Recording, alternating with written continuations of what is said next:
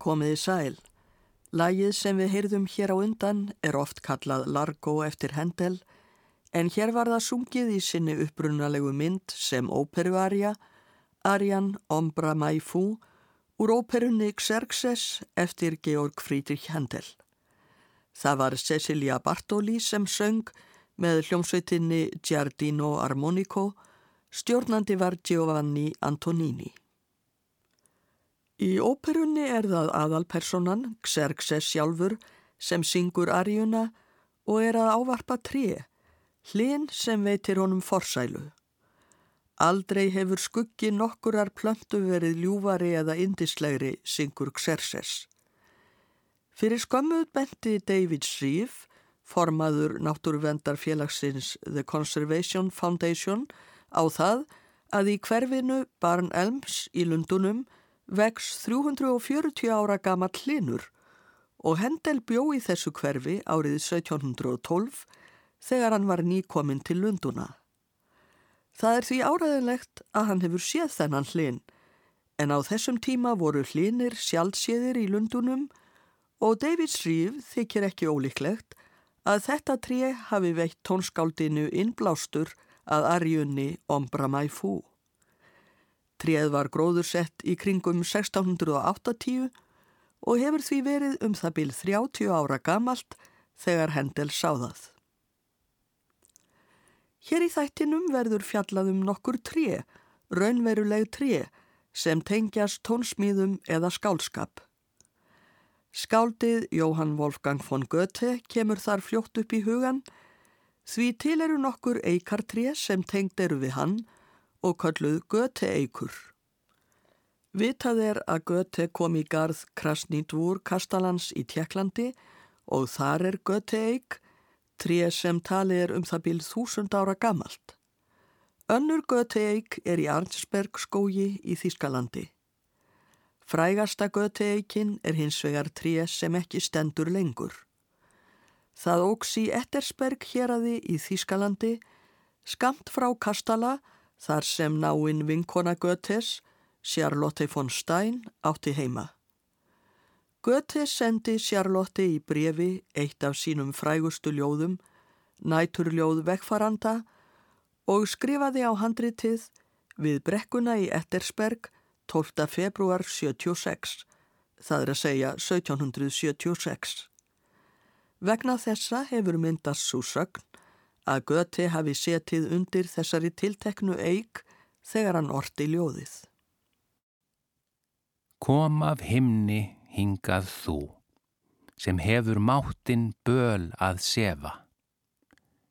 Þeim sem auðmur þjáist nú, þína mildu fró að gefa. Leitt er heimsins karp og kliður, af kvöl og indi er nóum sinn, ljúfi friður, ljóma þú upp huga minn. Þannig hljómar næturljóð vegfaranda, vandar er snægt lít eftir göti í þýðingu eftir Yngva Jóhannesson. En örlög eikarinnar sem tengis ljóðinu urðu átakanleg. Árið 1937 let nazistastjórnin sem þá var við völd í Þískalandi riðja skógin til þess að byggja búhenvald fangabúðurnar. Aðeins einu tré var hlýft, göteeikinni, en hún lendi inn í miðjum fangabúðunum. Árum saman byggu fangarnir í búðunum við hryllileg kjör og sáu ekkert tré nema þetta eina. Það varð fyrir þeim að tákni um það Þískaland menningar og mannúðar sem nazistar voru að eiðleggja. Árið 1944 í heimstyrjöldinni síðari vörpuðu bandamenn sprengju sem kvekti í trénu og það brann. Stupurinn á því er samt enn á sama stað og er nú hluti af sapni um fangabúðirnar. Við hlýðum nú á tvö lög við næturljóð vegfaranda eftir Göti. Fyrralagið er eftir Frans Schubert, samið 1815 sama ár og ljóðið kom út í bók. Síðara lagið er eftir Hugo Wolf, samið 1887.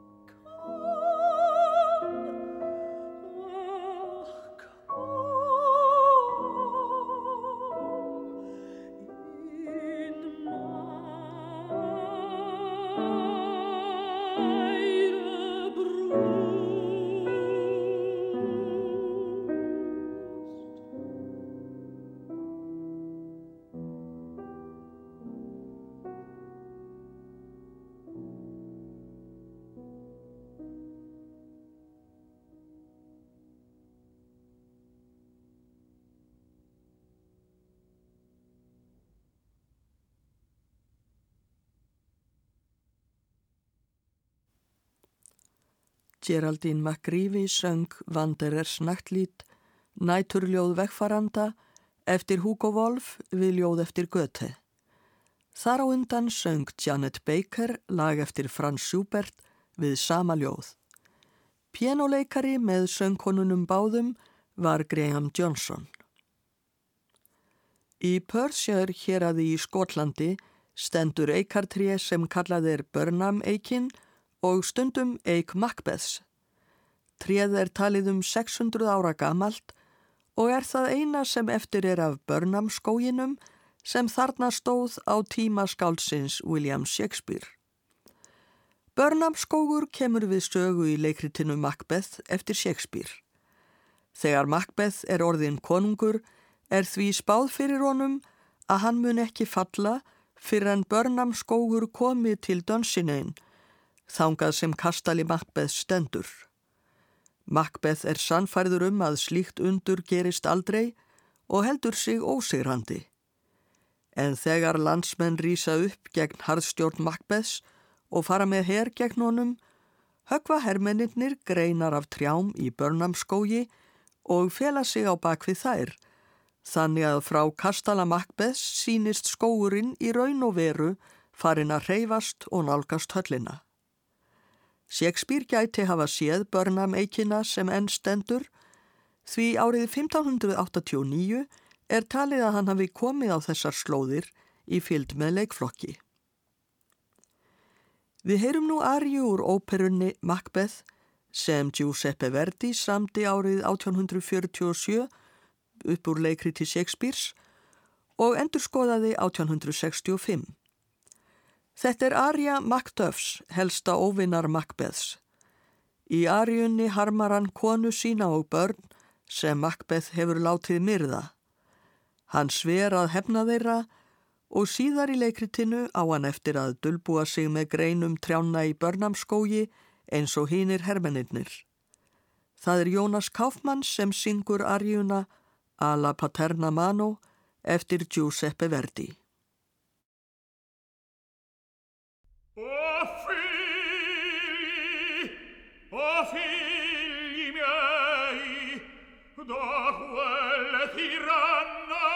tutti uccisi voi foste. E insiem con voi la madre sventurata.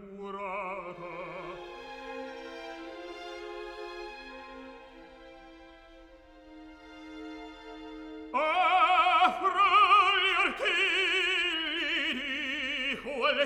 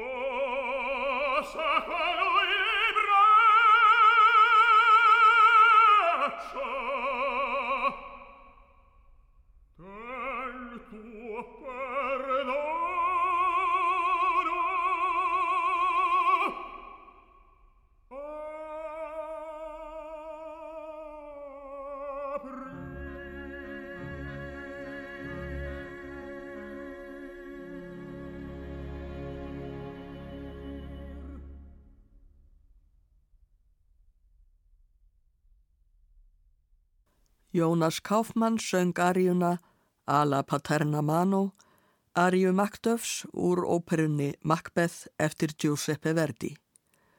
Hljómsveit Parma óperunar leik, stjórnandi var Pier Giorgio Morandi.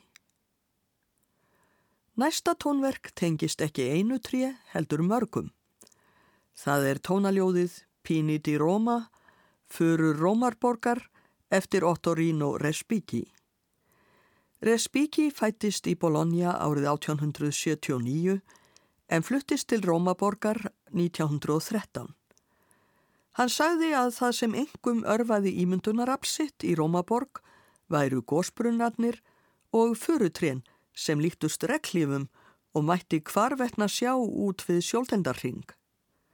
Árið 1916 samti Respighi tónverk um gósbrunnana, Fontane di Roma, og nokkrum árum setna kom röðin að förunum. Tónskáldið lauk við verkið Förur Rómaborgar árið 1924. Það skiptist í fjóra kabla. Hinn fyrsti heitir Förurnar við Villa Borghese. Kablin er kraftmikill og háfaðasamur, börn leika sér í Villa Borghese gardinum og syngja fjöruga leikasöngva. Annar kabli heitir Förur hjá katakombu.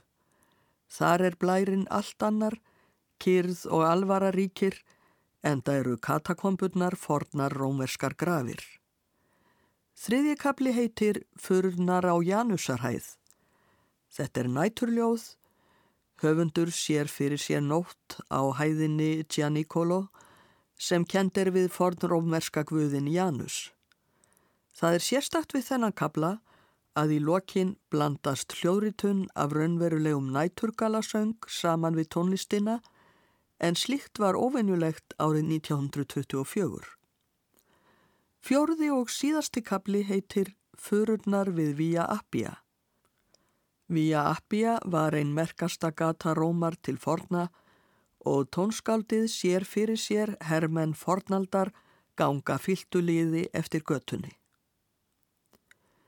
NBC Sinfoníu hljómsveitin leikur nú verkið Pini di Roma, Förur Rómaborgar eftir Ottorino Respighi. Hljóritunnin er gerð á árunum 1949 til 53 og stjórnandi er Arturo Toscanini.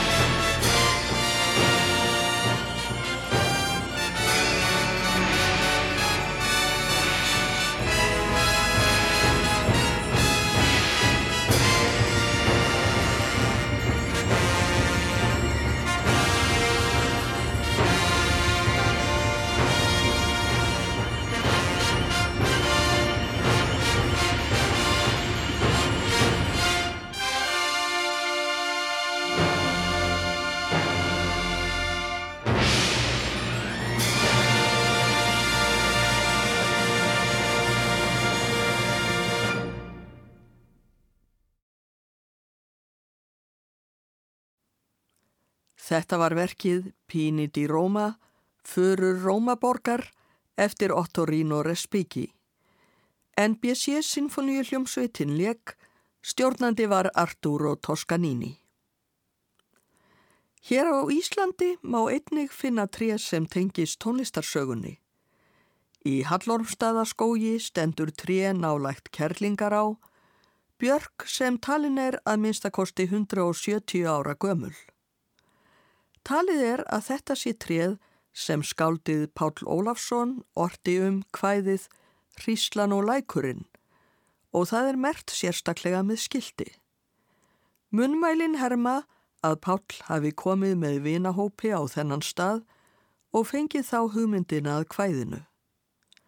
Lag Inga til Árussonar við Ljóð Páls Hríslan og lækurinn verður síðasta lagið í þessum þætti.